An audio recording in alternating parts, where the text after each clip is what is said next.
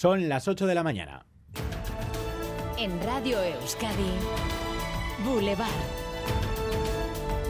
Con Xavier García Ramsten.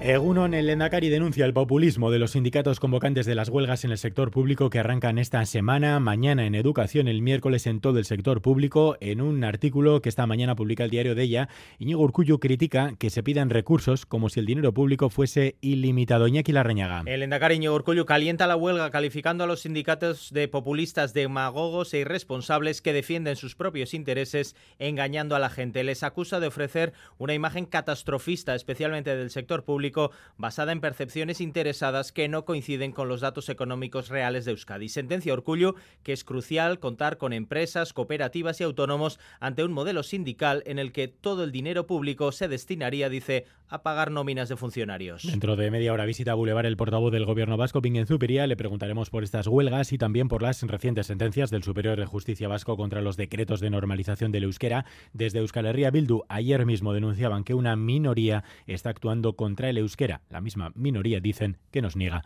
como nación.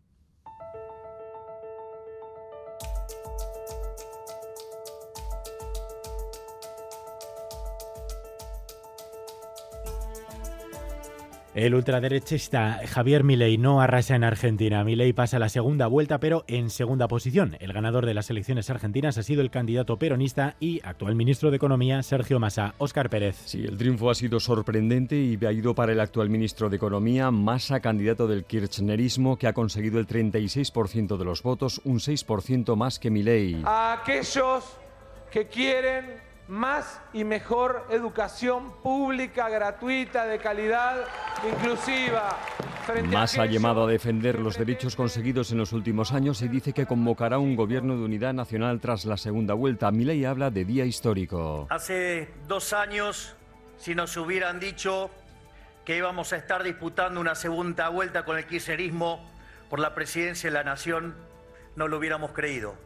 Estamos verdaderamente frente a un hecho histórico. Ambos han sido de largo los más votados, quedándose a bastante distancia la candidata de la derecha tradicional, Patricia Bullrich, que no ha llegado al 24%. Hacia dónde se inclinen sus votantes será clave en la segunda vuelta. Enseguida estamos en Buenos Aires con Iñaki Aramayo. También estaremos en directo en Jerusalén con Mikel Ayestarán, tercera semana de guerra. El primer ministro Netanyahu, consciente de que se está jugando su futuro político, afirma que quiere aplastar a Hamas.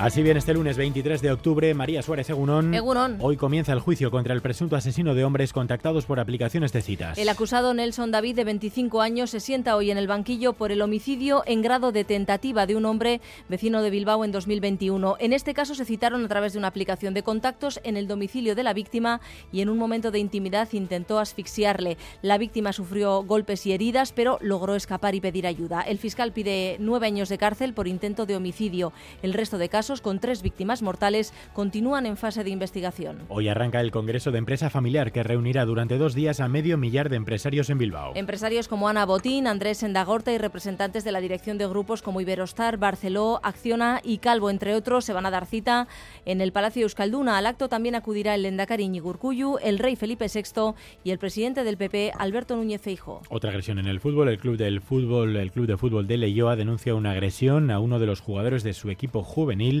tras jugar un partido en Navarra. Según denuncian, uno de los jugadores del equipo juvenil A del Leyoa recibió un puñetazo en el pómulo el sábado en las instalaciones del División de Honor Gaste Berriac de Ansoain. Sin embargo, desde el equipo navarro niegan cualquier agresión y censuran el mal comportamiento de los jugadores del Leyoa. Balmaseda acoge su tradicional concurso de pucheras un año después del gran incendio que arrasó más de 500 hectáreas de bosque en la localidad. El tradicional concurso del año pasado que tuvo que ser cancelado por ese gran incendio, los otros dos años anteriores no se celebró por la pandemia, esta vez sí, 200 pucheras a concurso, otras 500 fuera de concurso que calientan ya las calles con su olor a alubias a fuego lento. Hoy arranca el Festival Internacional de Cine de Tokio que acogerá por primera vez un ciclo de cine vasco. Se van a proyectar cintas como 20.000 especies de abejas de Estíbaliz Urresola, también otros títulos como la cinta de animación El sueño de la sultana de Isabel Erguera y A pulmón de Berta Gastelumendi y Rosa Zufía, que van a tener así su estreno en Japón. El festival festival se prolonga hasta el 1 de noviembre.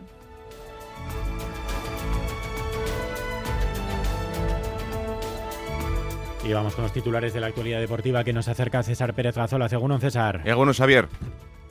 Derrota anoche del Atlético 1-0 ante el Barça. Se vio un buen equipo ante el conjunto de Xavi Hernández. Únicamente el debutante Mark Yu, en el primer balón que tocaba, fue capaz de batir a un buen Unai Simón, que reyó a gran altura durante el partido. Además, Herrera se iba a ser titular, se lesionó en el calentamiento y Uri Belchiche en el primer tiempo. Boulevard.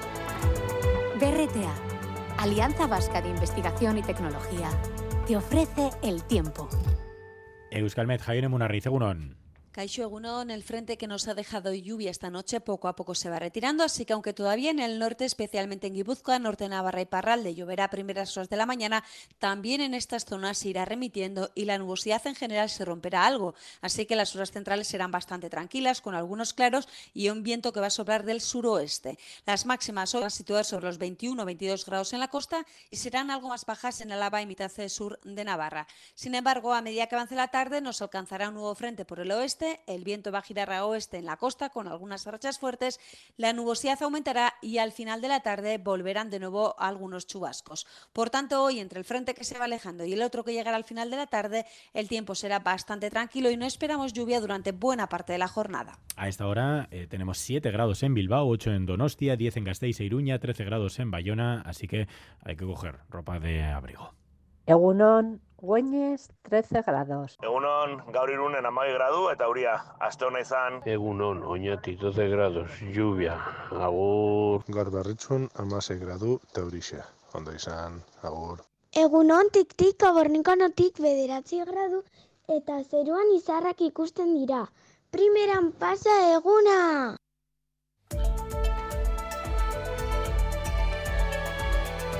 Boulevard. Tráfico.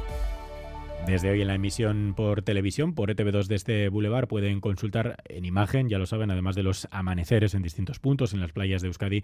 Eh, desde hoy incorporamos también la emisión de las cámaras de tráfico del Gobierno Vasco, así que pueden consultar también la situación de las carreteras ahora mismo en directo en ETV2. Pero así Herrero, como siempre, nos cuenta cómo están las cosas en la red diaria y problemas además esta mañana. Dos puntos a esta hora, sobre todo en Vizcaya. En la BI631, en Munguía, sentido Bilbao, un vehículo se ha salido de la calzada y ha tenido un accidente múltiple A esta hora hay retenciones en la zona. Además, también continúan los problemas en Miribilla, en la salida hacia la A8, donde otro vehículo se ha salido de la calzada. A todo ello hay que sumar las retenciones habituales en la recta del Max Center sentido Bilbao y en la avanzada de Leyoa hacia la capital vizcaína.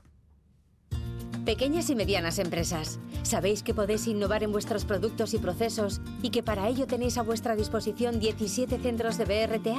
Porque innovar es cuestión de carácter, no de tamaño.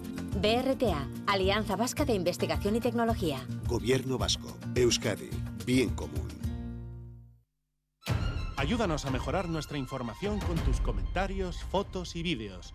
Envíalos al WhatsApp de Radio Euskadi 688 840 840.